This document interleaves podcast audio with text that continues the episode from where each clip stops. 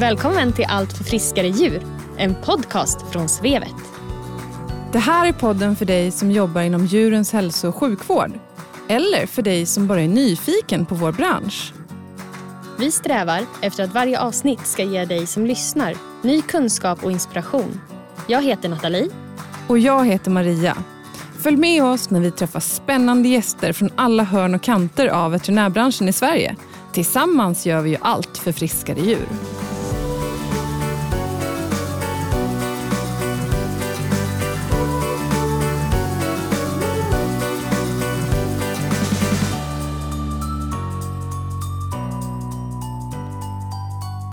Hej Maria, vad kul med ännu ett nytt avsnitt av Allt för friskare djur. Hej Nathalie, ja verkligen. Idag ska vi prata lite om små söta föl och dräktiga ston. Ja, det ska bli jättespännande. Alla älskar ju föl, eller hur? Det vore konstigt annars. Vi önskar vår väldigt kunniga gäst Elisabeth Hemberg välkommen till dagens avsnitt. Elisabeth är veterinär, diplomat i reproduktion för häst och har ägnat hela sin yrkesverksamma karriär åt föl och deras mammor. Elisabeth, berätta lite mer om dig själv och din bakgrund. Det började med att när jag gick på veterinärhögskolan så tyckte jag att det var väldigt roligt, om jag bara ger en liten snabb bakgrund, att kombinera, väldigt språkroad. Jag tyckte det var roligt att åka utomlands, få lära mig språk och samtidigt få lära mig så mycket som möjligt utav andra. Så att jag började tidigt med att åka ut till olika veterinärpraktiker. Och då var ju USA ett sånt där drömställe för att komma till. Och Sune Persson som var professor då på veterinärhögskolan på hästmedicin, han har varit ett jättestöd och den som verkligen har pushat på mig hela tiden. Så han sa att jag har kontakter i Kentucky, du ska få åka dit. Och det gjorde jag och det var jätteroligt och där hade de ju världens bästa hästuppfödning. Och jag hade ju tänkt att vara där ett par månader, men det blev nästan sju månader och normalt så brukar man inte få stanna så länge, men jag tyckte det var så roligt så att jag var kvar och jag hade arbetat då som distriktsveterinär innan och på den tiden fick man ju traktamenten. Så att jag fyllde väskan med pengar och så satte jag in allting till dollar och sen åkte jag iväg och det räckte ganska länge. Wow, ja. vilken grej att göra. Ja, och, eh, och där lärde jag mig rutinerna, hur man använde, vilka rutiner man använde för att få så framgångsrika resultat som möjligt i sin hästavel. Och de tog jag med mig hem. Det var väldigt mycket nya rutiner och, eh, och framförallt då på fölsjukdomarna så, så fick jag lära mig väldigt mycket för de hade ju väldigt mycket föl och fölen var sjuka och eh, man hade ju en enorm tillgång till olika former av diagnostik, diagnostik och resurser framförallt. Så att jag tog med mig det där hem och när jag då kom hem då var jag ju, hade jag inte en krona kvar så att då var jag tvungen att åka ut på distriktet igen. Och då arbetade jag som distriktsveterinär i Katrineholm och där fanns Klastorps arabstuteri. Och då hade Klastorp Penny Levenhaupt, hon hade ett sjukt föl och då visste jag precis hur vi skulle få den där ungen frisk. Och hon sa, åh, någon sån som dig har vi längtat efter alltid. Jag fixar det här, din praktik med mina eh, hästvänner. Så på sex veckor så var min praktik etablerad och klar. Och på den tiden så hade jag ingen familj så jag åkte ju från norr till söder och sov över så att säga om jag inte orkade åka tillbaka. Och alla hade gästrum och det var väldigt, en väldigt trevlig tid. Och eh, jag fick ju jättemycket intressanta fall och eh, det har varit jätteroliga år och Penny var ett enormt stöd. Hon hade ju hållit på med hästuppfödning sedan ja, det blev väl totalt i 70 år när hon gick bort. Hon hade hållit på, så hon hade en enorm erfarenhet.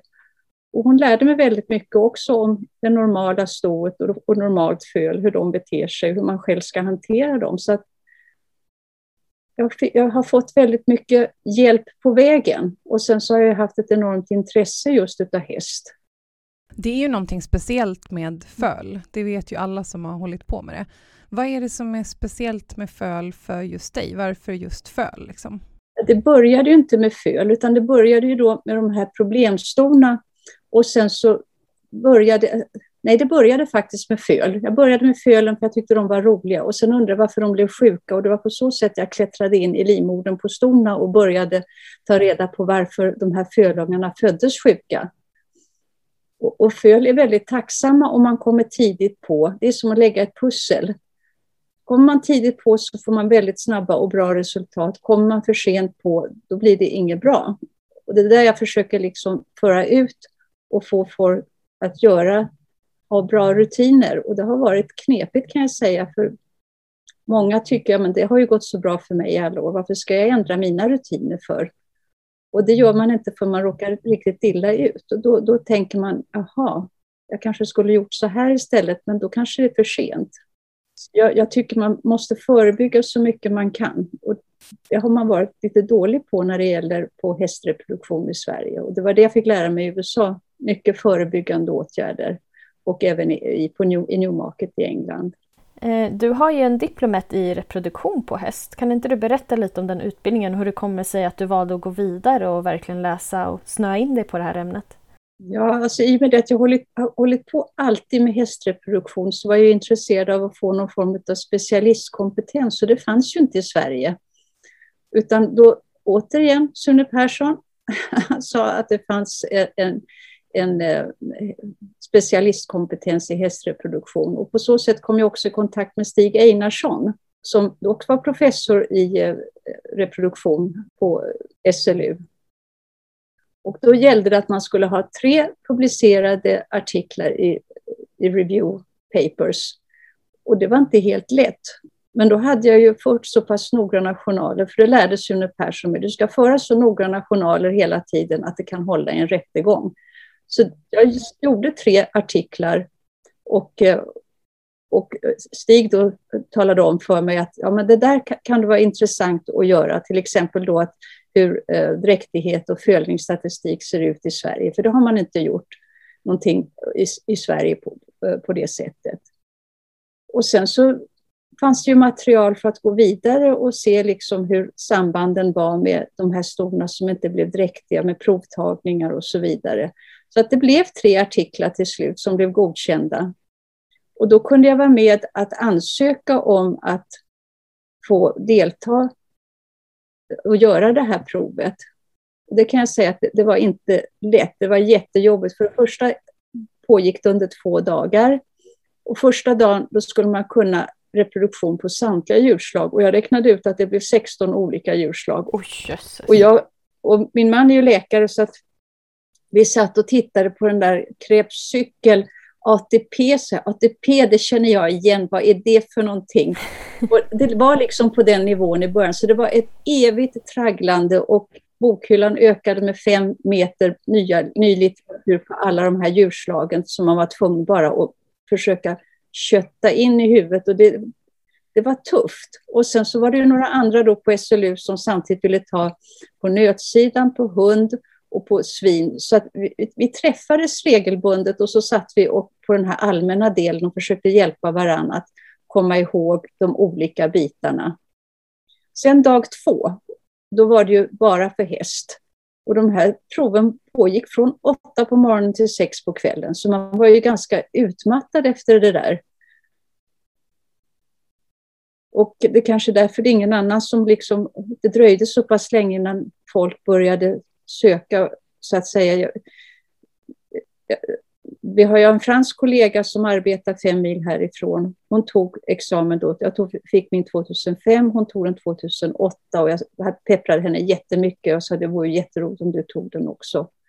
Och hon var ju lite yngre och lite smartare än vad jag var, så det gick ju. Tyckte, jag hörde aldrig hur jobbigt hon tyckte det var, men jag tyckte det var jättejobbigt. Jag skulle aldrig göra om det. Så att, men det, det, är roligt att ha den här specialiteten därför att det gör att man är hela tiden, man måste vara påläst för det sker en recertifiering var femte år. Då får man fylla i ett antal poäng och vad man håller på med och vilka resultat man har. Och det tycker jag är bra, därför då, då skärper man sig hela tiden. Det gäller att inte ligga på latsidan. Och man får ju också väldigt mycket trevliga kontakter med andra kollegor som har samma specialistområde fast i andra länder. Så att det passar mig perfekt. Jag tycker om internationellt samarbete för det, det är utvecklande och det är som en kollega i Sydafrika sa, det finns mer än ett sätt att ta död på en katt och det stämmer ju faktiskt att man kan ha olika infallsvinklar och komma fram till samma resultat. Och det inser man när man är ute och jobbar i olika länder att man har olika approach på det man gör och det, det, det är nyttigt och det är utvecklande och det rekommenderar jag verkligen att många fler skulle göra. Och det är klart att det är ett ekonomiskt avbräck medan man är ute, men jag tycker att det, det är guldpengar. Det är sånt som är värt och det blir erfarenhet i längden. Så att jag försöker stimulera unga kollegor att när de är precis färdiga, stick iväg och var borta ett bra tag. Men många tycker då, nej, men jag kan inte, jag måste ut och arbeta och, och så. Och det, och det är upp till var och en hur man vill göra, men jag tycker det har varit jättestimulerande de här åren. Jag ångrar inte någonting vi har gjort, absolut. Det blir väl lite vanligare, eller min uppfattning är i alla fall att det blir vanligare att man tar en eh, diplomat eller en europeisk specialist i något ämne man snöat in på. Och det är väl någonting som arbetsgivarna också kanske inser värdet av mer och mer. Jag hoppas i alla fall att det blir mer poppis så att ni blir eh, fler också på hästrepro-området. Ja, det hoppas jag också. På hundsidan är man ju mycket mer, man samarbetar mycket mer, för jag har haft hund, smådjurskollegor här och de har kommit tillsammans och de tycker det är jättespännande och de gör grejer tillsammans, de åker på kurser tillsammans och de samarbetar mycket bredare än vad hästveterinärer gör. Och det, det tycker jag är någonting man efterlyser också på häst, att man skulle ha mycket större diskussionsområden och ha en mer öppnare attityd än att det ska bara vara på det gamla invanda sättet. Därför man måste tänka utanför lådan för att hitta nya vägar.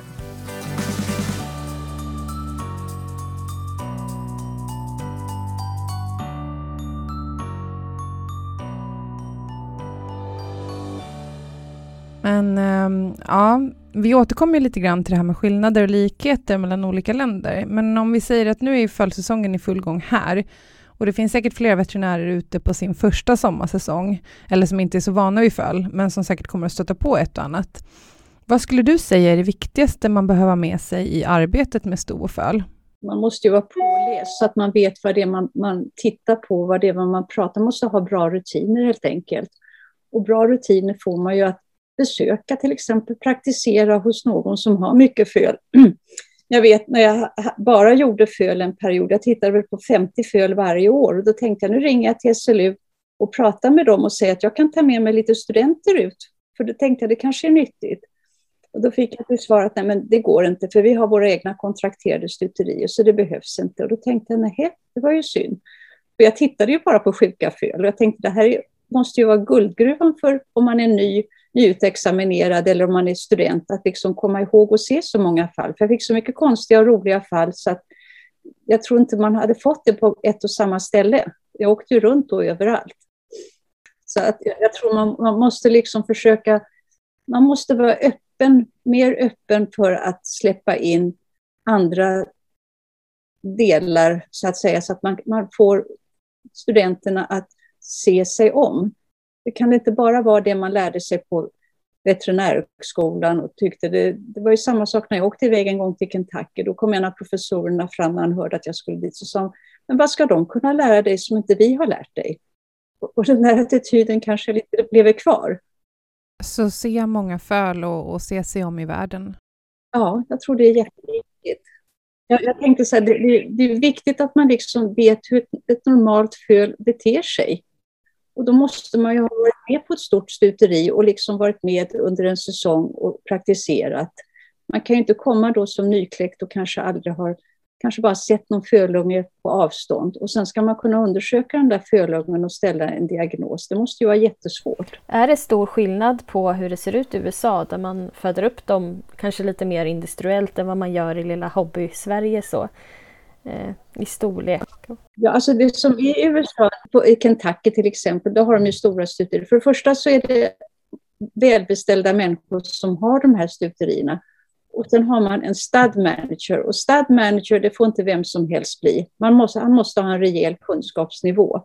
Och han lär ju alla de andra som arbetar under honom vilka rutiner man ska tillämpa. Och sen så ser man till att man har en jätteduktig veterinär från någon närbelägen praktik och de gör ju inget annat än gå på kurser och, och prata med varann och, och liksom försöker öka kunskapsnivån så mycket som det går.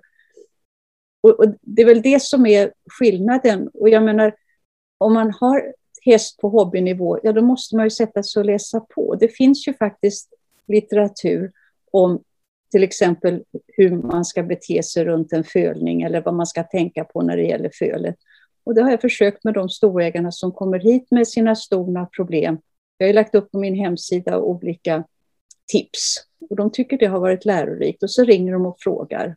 Och det, det, tycker jag också är jätteroligt om man kan hjälpa någon. Och nu var även kollegorna ringa och det blir jag jätteglad över. Men det har tagit förfärligt många år för dem att komma så långt. Vilka brukar vara frågor när du ställer till dina kollegor när de ringer?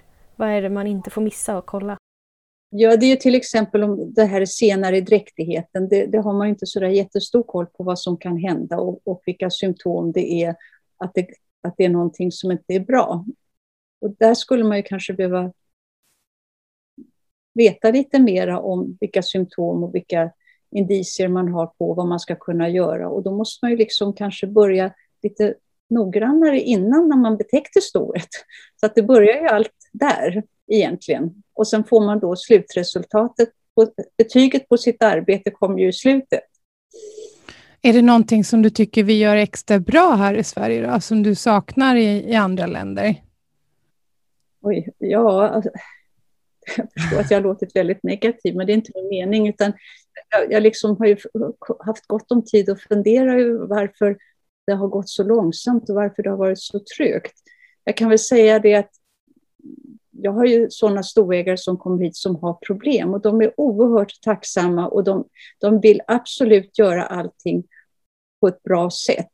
Och de tycker att det, det, det, det är roligt, det ska ju vara roligt med det här. Det, det, är tufft, det är dyrt och då, då, måste det vara roligt för annars så tappar man ju sugen och därför säger vi måste ju vara rädda om våra uppfödare, de vi har och se till att de får sina ston dräktiga och de får sina ston som är dräktiga att de fölar. Det kan inte bara vara att man rapporterar och säger att vi har, jätte, vi har 90 procents dräktighet. Ja, hur mycket levande föl har ni då? Ja, det vet vi inte. Eller, och räknar man då efter så kanske det är under 60 procent. Och de här andra då, 40 procenten, ska de liksom bara vara glada i alla fall? Det är de ju inte. Har hästaveln i Sverige utvecklats någonting under tiden som du har varit yrkesverksam? Ja, nu börjar man ju prata om foodcheck på föl, att man ska ta prover och, och, och, kontrollera blodprov. Men fortfarande får jag ju höra att man säger att det behöver du inte göra om den är pigg och glad och det, allting har gått, gått normalt. Men jag har ju varit ute på föl som, där allting har gått bra och det, fölungen är frisk som haft noll i antikroppar. Då har hygienen varit så pass bra hos hästägaren så att man har liksom inte märkt det här. Och varför jag har kommit ut är för att det är kanske är någonting annat som har börjat tillstöta. De där är ju tickande bomber. Jag menar, det är som en aids-patient och om den får i sig bakterier sen, då har den ju ingen form av immunförsvar. För då har den inte hunnit bygga upp sitt eget. Den är beroende av de här antikropparna den får via råmjölken. Och det är där jag menar, man måste ha fasta rutiner. Även om allting ser jättebra ut så måste man göra samma sak hela tiden.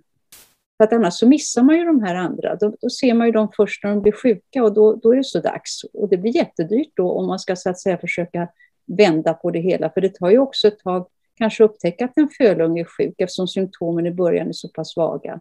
Och har man då inte koll på att fölet har faktiskt en mat och sovklocka, då hinner ju sjukdomen progredera betydligt kraftigare. Ja, för du är, du är mycket för att man, att man jobbar mycket förebyggande, det förebyggande arbetet ja. och de förebyggande kontrollerna. Jag tycker det är väl värda kostnader för hästägaren, för det, mm. det, är liksom en bråkdel av vad det kostar om man åker in på ett djursjukhus. Men vad består de här i rent konkret? Om du har en kund som ska få föl, Eh, vad vill du då göra för förebyggande kontroller på de här? Ja, alltså det jag har gjort alltid det är så att säga att då, då slår de en signal och så säger de att ja, men har mitt sto fölat. Hon fölade i natt och då brukar jag låta det gå i alla fall en, om fölungen mår bra, gå en sex timmar och så får de spara efterbörden och då tar jag och undersöker fölet, gör en, en undersökning, tittar, mäter den, hur mycket den väger, känner på den överallt, lyser på ögon, öron, slemhinnor, känner om den har navelbrock och, och, och känner igenom ben och leder och, och sådana saker. Och när jag har gjort det, då tar jag blodprov och då kan jag köra eh, ett sånt här foldcheck direkt i stallet. Och sen så tar jag blodprov ur inflammationssynpunkt som jag skickar iväg till labb. Och sen har jag blodplasma med mig, så är det för lågt antikroppsvärde, ja då ger jag den blodplasma och ser slemhinnorna tveksamma ut så kan jag mycket väl sätta in antibiotika initialt om, innan den så att säga hinner bli sjuk och sen så får jag blodprovsvaret nästa dag. Och oftast så eh, har det varit någon infektion på gång Och är man tveksam, ja då kanske man avvaktar och så får hästägaren då hålla väldigt noggrann kontroll. Om det är då den minsta försämring, ja då sätter man in antibiotikum. Sen tittar jag på efterbörden, för det är det livet fölungen har haft där inne och ser hur den ser ut. Mäter navelsträngen och ser hur den ser ut och ser hur den har varit nutrierad under dräktigheten. Och där får man också väldigt mycket svar och framförallt ser då utförsgången, cervical star, hur, hur den har sett ut. Och i stoet då har hon varit sydd, ja då syr jag ihop henne samtidigt med eh, att jag gör mitt första besök. För det är då hon är som mest känslig och kan dra in en massa partiklar utifrån in i den här nyfölade livmodern. Och sen brukar jag också sätta in lite Partoxin, att de, att de får så att säga spruta henne under ett par dagar så att man får ut eh, fostervätskan, om den nu finns där inne. Ja, det känns ju då som att då borde du snappa upp dem som eventuellt kommer tippa över gränsen då. Ja, men det är det man gör och det tycker jag liksom att det, det är så viktigt att göra det. Ja, för det minns jag själv från när jag jobbade på hästsjukhus och de kom in de här som vi kallade för trasorna. Eh, det kändes inte ja. som att det fanns så mycket liv kvar i dem. Och visst, de, de kan ju vända, men det är ju dålig prognos alltså. Men i och med de här så att säga, rutinkontrollerna så kan du egentligen hitta dem innan de tippar över då. Ja, det är det som är viktigt. Och vända det. Ja. Och, och, och därför gjorde jag också så för att jag tänkte så här att det är viktigt att veta vad det blir av de här um, fölungarna som föds och är sjuka. Och då, då, gjorde jag en undersökning på trav och galoppföl och det visade sig att eh, det var ju ingen av de där som som sprang in några större pengar, utan de flesta blev ridhästar. Och det här har man tagit upp utomlands, för man tycker det här är intressant och man presenterar den här artikeln. Och, eh, när den publicerades i Sverige fick jag oerhört mycket kritik för den, att det där kunde ju inte stämma och det, det var absolut inte sant. Men nu börjar den liksom falla i god jord så att säga och det är jag ju jätteglad för därför att jag tror ju att om man har, varit, om man har haft ett friskt liv i livmodern och blivit välbakad, då har man bättre förutsättningar för ett bra liv efter man är född. Men vad var det för studie? Skulle inte du kunna berätta lite mer om just den? Jag gjorde en studie då. Jag hade ju ett, eh, ett 30-tal föl som, som hade varit sjuka och sen hade jag en kontrollgrupp på över 80 föl. Och det visade sig att den här kontrollgruppen, där de hade varit friska, de, de, de presterade ju som de skulle göra. Och eh, de här sjuka fölen, där hade storna haft större problem med livmodern och eh, de presterade inte alls. En del kom inte till start och många avlivades före två års ålder. Så att, jag menar, det var ett större problem. Och den artikeln, alla de här artiklarna finns ju att läsa och de ligger också på min hemsida för ifall någon är intresserad och gå in och titta. Och jag tycker bara att ett sådant incitament skulle vara liksom tillräckligt för att man skulle tänka, nej men jag vill verkligen veta. Det var svårt att få mitt sto dräktigt till exempel. Jag, men här, kan jag, här vill jag göra någonting. Men då måste man ju veta hur viktigt det är. Och därför tycker jag det är mm. väldigt roligt när de här kurserna, så att säga, om kollegorna börjar bli intresserade. Därför att jag tror ju att någon, några små frön kan, kanske de vill ta åt sig och, och kan tycka att det är värdefull information.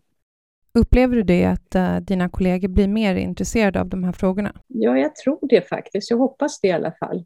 Men det är väldigt mycket så att säga grupptänkande inom hästreproduktion. Man har sina små föreningar och där, där kör man samma stuk i stort sett hela tiden. Jag har varit inne och tittat på olika frågeställningar. Man pratar till exempel om att stona inte blir dräktiga, det är fel på hingsten och det är, det är ingen bra sperma. Och det, visst, det kan väl hända också, men men glöm inte bort storna. Hur, hur, ser de ut? Tittar man på dem tillräckligt noggrant? Tar man prover på dem?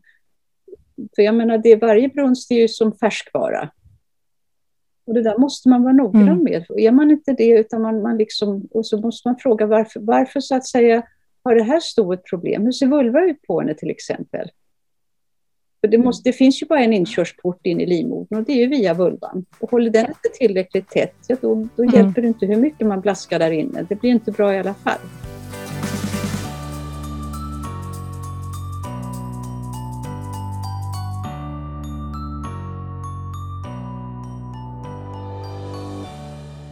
Varför blir inte stona dräktiga? Vad är det som har hänt då? Vad är det du ser? Ja, det är ju infektioner och inflammationer i livmodern och det är därför jag tycker att man ska dela in stona i grupper. Man ska ha då de här unga maidenstona, fölstona, gallstona och äldre förstagångsstona. Det ska vara fyra olika grupper och varje grupp kräver ju sin hantering. Men provtagning sker på samtliga grupper. Och det gör ju det att man behöver inte göra så mycket på de här första gångstona, de här unga stona, de tar sig väldigt lätt. Och det ska de göra också. Och fölstona tar sig också lätt om inte de har haft problem innan eller haft väldigt många föl och börjar komma upp i den åldern när problemen kan börja. Och då måste man kunna identifiera att nu har vi ett problem och då är provtagningen väldigt bra.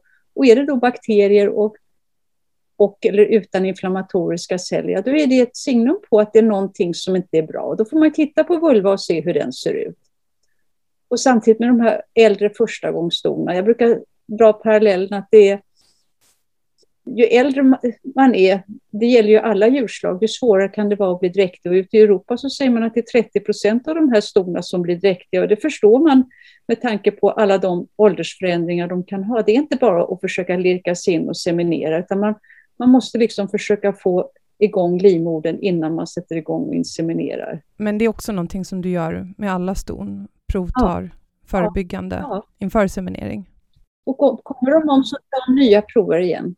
Och det vet alla om. Jag säger att jag tar prov på varje brunst de, de har varit inseminerade och om de kommer om. Och det är ingen som protesterar över det. Nej, nej. Och, då, och då hittar du de här som har infektioner då innan det visar sig kliniskt dock kanske? Ja, och, och framförallt så om de kommer hit och har en infektion redan, då är det ingen idé att beställa dyr sperma och sätta igång och inseminera för att hon ska komma om. Utan får man ju börja med att behandla henne först så att hon är, ser ren och fin ut. Och har hon kraftig infektion så kanske hon till och med får en behandling och sen får hon stå över en brunst innan man sätter igång och inseminerar. Och det var väl ett jättebra tips som jag tror många kan ta till sig. Mm. Ja, och jag tar både cytologi, jag tar både cytologi och bakteriologi. För det är som jag sagt förut att om du har, om du har till exempel inflammatoriska celler i cytologin och så växer inga bakterier. Tar du bara bakter bakterieprov så är hon är ren. Det är hon ju inte då. Och då, då om hon inte blir dräktig så kan man, men hon var ju ren säger man. Men har man tagit cytologin och ser då att nej, men här finns ju faktiskt inflammatoriska celler. Sen har vi ju andra tvärtom som kanske har mycket bakterier i livmodern. Och det är ju inte heller bra. Men det har inte hunnit bli någon inflammatorisk reaktion. Så det, det gäller, är viktigt att man gör, tar båda provtagningarna. Och det positiva med cytologin är att man får svar på en gång. Ja, det är lite som ett pussel. Du är inte färdig förrän du har kunnat lägga sista biten. Mm. Nej, det blir lite Nej, det på det viset. Jag brukar kalla det för ett jättepussel och fortfarande mm. är det många gråa bitar kvar. Mm. Och det är det som gör att det fortfarande är roligt att hålla på. Sen är jag lite nyfiken på det här med eh, hingstarnas del i det hela. Jag, jag tror ju att, man, att det är bra om man kan, så att säga, till exempel ha koll på de här stona som, som man tappar hingsten på en fredag och sen så kanske inte ägget går förrän på måndag så får man sperma på tisdagen till exempel. Eller det kanske går på natten till tisdagen och så semineras inte hon något mer. Och då har det ändå gått fyra dagar om de stona blir dräktiga. För blir de dräktiga, ja då innebär det att hingstens sperma har en lång överlevnad och då behöver man inte kanske hålla på och seminera varannan dag. Och då tycker jag att det är viktigt att man talar om det för stuteriet eller de som beställer att man har jättebra sperma. Det här räcker med att du seminerar kanske var fjärde dag eller någonting sånt. Men det är någonting som ligger på hingsthållaren då, att de ska ha koll på det? Ja, absolut. Ja, ja. Och sen framförallt då att de här storna, som till exempel när man beställer på fredagen eh, tappning och så får man det på lördagen, att de, då säger man då får du höra av dig till mig när ägget gick så att jag vet det, för det behövs för hingstens statistik. Där skulle man kunna så att säga, lägga på en idé att de verkligen får höra av sig. Eller att, men problemet är att det är så mycket ston hela tiden och det är många hingstar som ska tappas. Och, och jag menar om inte man behöver tappa alla hingstar varannan dag, det är ju faktiskt, skulle ju vara både skönt både för hingsten och för stuter, det stuter hingsthållaren. Lite ja. mer uppföljning där, alltså på ja. kvaliteten och att anpassa lite mer efter individen. Ja. Men det är bara en idé som jag tycker är bra. jag har jobbat mycket med fullblod och jag hade en jättebra fullblodshingst. Hans sperma levde i fem dagar, så vi brukar alltid skoja. När, vilken dag ska vi betäcka nu. De blev dräktiga de här bra stona. Det, det var ju mm. inga, inga konstigheter. Och de blir ju inte mer dräktiga ju mer sperma man blaskar in. Utan det gäller ju liksom att få att allt är i den harmonin i livmodern att de kan ta till sig sperman och befrukta ägget och att befruktningen verkligen överlever. Vi pratade ju lite tidigare om eh, kongresser och så vidare. Vad finns det för internationella kongresser att kika närmare på om man är intresserad av det här området? Ja, alltså jag har ju åkt på de här eh, eh, brittiska kongresserna i Newmarket därför dels det finns ju olika former av kongresser man kan åka på. Man kan ju åka till exempel på de här världskongresserna och då är det väldigt mycket information under väldigt kort tid. Och eftersom jag har lite svårt att tillgodogöra mig mycket information på kort tid så tycker jag de här Newmarket-kongresserna har varit väldigt bra därför det håller på i tre dagar. Och man tar upp ämnen, man hinner sitta och diskutera, det är fall. Och det är en väldigt trevlig samvaro också. Det är många kollegor som kommer från hela världen. Och, men jag åker inte varje år, utan jag gjorde ett ryck här nu de här två sista åren, för det var ett antal, många år sedan jag var på någon kurs, utan jag har åkt istället, tagit kontakt med olika kollegor som har varit framstående inom olika områden som jag varit intresserad av. Och så har jag skrivit och frågat om jag får komma och stanna hos dem några dagar och eh, vara med. Och de, ju, de, säger ju aldrig nej, de är oerhört vänliga och framförallt amerikanerna är jättevänliga. Och frågar man då om man ska bo, nej, det bor hos oss självklart och, och, och vi tar med oss. Och det, det, har varit jättetrevligt. Så när vi har åkt, min man och jag, vi har åkt och hälsat på släktingar i USA, då har jag åkt iväg kanske till någon kollega i, när vi ändå har varit där och eh, askulterat under några dagar. Det har varit jätteroligt. Och framförallt så får man ju liksom se hur andra kliniker fungerar och vad man kan ta med sig hemifrån i material och ta med sig hem olika material och diagnostisk eh, tekniker. Och det, är, det är nyttigt. Det är väl ett jättebra tips. Våga se sig om ute i världen. Ja, ja. ja. jag kan bara varmt rekommendera det. Om du skulle vilja sammanfatta de tre viktigaste punkterna som du skulle vilja förmedla till dina kollegor. Vi har ju pratat om det här att det är viktigt att resa och lära sig mer. Men sammanfattningsvis, rent konkret? Ja, ska man hålla på med hästreproduktion, då gäller det att man har bra rutiner att man, att man framförallt tror på sig själv och att de här rutinerna, även om de på stuteriet säger att så här brukar inte vi göra och det där behövs inte. Då måste man försöka vara så pass stark själv att man säger nej men jag vill göra så här. Jag kan inte så mycket. Jag måste skaffa mig en bra rutin. Och att man är påläst, att man kan motivera varför man gör saker. Och man behöver inte ha svar på alla frågor, men det är viktigt att man kan säga då, det här kan inte jag svara på, men jag kan ta reda på ett svar så att jag kan förmedla det så fort jag någonsin kan. Och det vinner man mer respekt för, framförallt så lär man sig själv mycket mer på ett sådant sätt. För det tar tid att bygga upp erfarenhet, det tar lång tid. Och man blir aldrig fullärd.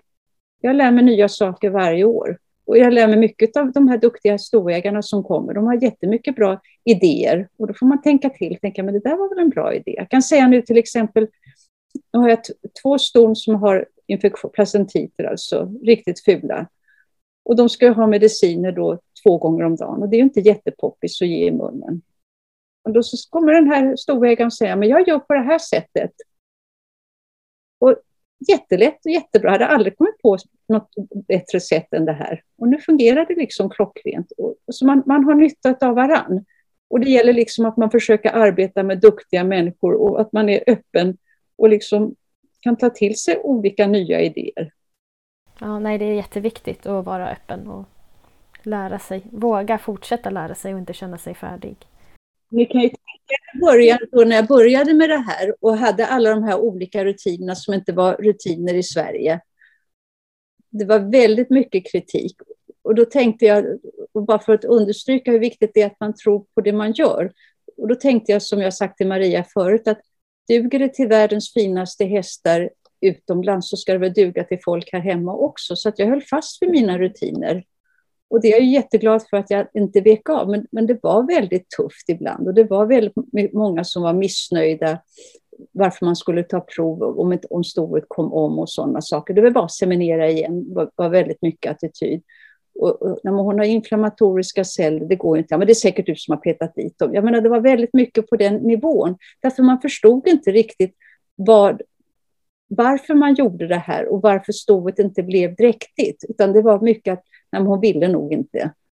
Så där har utvecklingen gått framåt, att man är mer lyhörd nu, att man måste liksom ta reda på anledningen till varför stoven inte tar sig, för det finns alltid en anledning. Vi har en sista fråga, vi brukar, som vi ställer till alla våra gäster. Eh, finns det någon specifik person eller något specifikt ämne som du skulle vilja höra mer om i den här typen av format, i podcastformatet? Ja, jag tror att det, alltså det ämnet som jag just nu håller på att arbeta med, det är det här med förekomsten av mikrobiota, alltså att man har, det har man ju forskat väldigt mycket på kvinnor, att man har, fostret är ju inte sterilt och livmodern är inte steril heller. Och det har, har jag ju skrivit också publicerat att foster och fostervätska, det finns bakterier där. Och det, det är ett oerhört intressant ämne för att om man, man då kanske till, vet till slut vad, vilken normalflora som ska vara så kanske man kan använda det på de här stona som är väldigt svåra, som kanske inte har just bakterier, men de är ändå svåra att få dräktiga. Att det kanske är en störning bara i deras normalflora. Istället för att man liksom bara brett behandlar allting så, och försöker eliminera den biten. Utomlands använder man ju väldigt starka medel för att liksom blåsa rent i livmodern och jag tror inte på det, utan jag tror man, man måste vara rädd om det man har där inne och identifiera om man har patogena bakterier eller inte. Ja, spännande. Mm. Ett jätteintressant område, oerhört intressant. Och det skiljer sig alltså på, på människor så skiljer det sig mellan olika eh, grupper av kvinnor beroende på var de bor någonstans och vilken kosthållning de har. Och det har man ju överhuvudtaget aldrig funderat på häst. De ska ju ha liksom en viss kosthållning. Och jag säger inte att det, det är någonting att man kan jämföra, men man får ta med alla bitarna och fundera på varför har vi problemston och vad ska vi kunna göra för att minska den biten? Det är jättespännande. Det är många områden där det seglar upp det här med mikrobiotans betydelse i huden, magen. Vi skulle hitta någon sån här riktig bakterienörd att prata med. Ja, jag, tror, jag vet inte om... Jag har ju kontakt med, med då, eh, forskare till exempel i USA på humansidan. Och det, på veterinärsidan är det ju nästan ingenting publicerat just om det här. Det är få artiklar. Så att jag tror just nu håller vi på att arbeta och försöker sammanställa en stor studie. Och det kanske blir ett föredrag att man kan... jag vet i Australien håller de också på och, och, och det kanske man kan bli, bli någon form av sammankomst längre fram. Men det är fortfarande väldigt mycket så att säga på nybörjarstadiet. För man kan ju naturligtvis inte, man har inte alls de ekonomiska resurserna som man har på humansidan. Och framförallt så kan man inte ta proverna på samma sätt som man har möjlighet på humansidan. Vi får önska dig stort lycka till med det arbetet och vi ser fram emot att ta del av resultaten. Ja. Vi har ju haft lite föreläsningar och kurser med dig Elisabeth, både nu i våras och förra året. Det är ju fler och fler som blir intresserade av de här metoderna och vad du har att dela med dig av. Så det ska vi nog också kunna ordna inför kommande följdsäsonger. Det ser jag fram emot. Jätteroligt. Ja, det ser vi fram emot. Ja. Om man vill komma i kontakt med dig Elisabeth, hur går man tillväga då? Det enklaste är att skicka ett e-mail eller att man kan ringa om det är jätteakut. Och de här uppgifterna finns på din hemsida då förstår jag? Den heter www.haddebobruk.se. Tack snälla Elisabeth för att vi fick prata med dig. Tack själva, det har varit jättetrevligt. Och tack till alla lyssnare också som har lyssnat på det här avsnittet.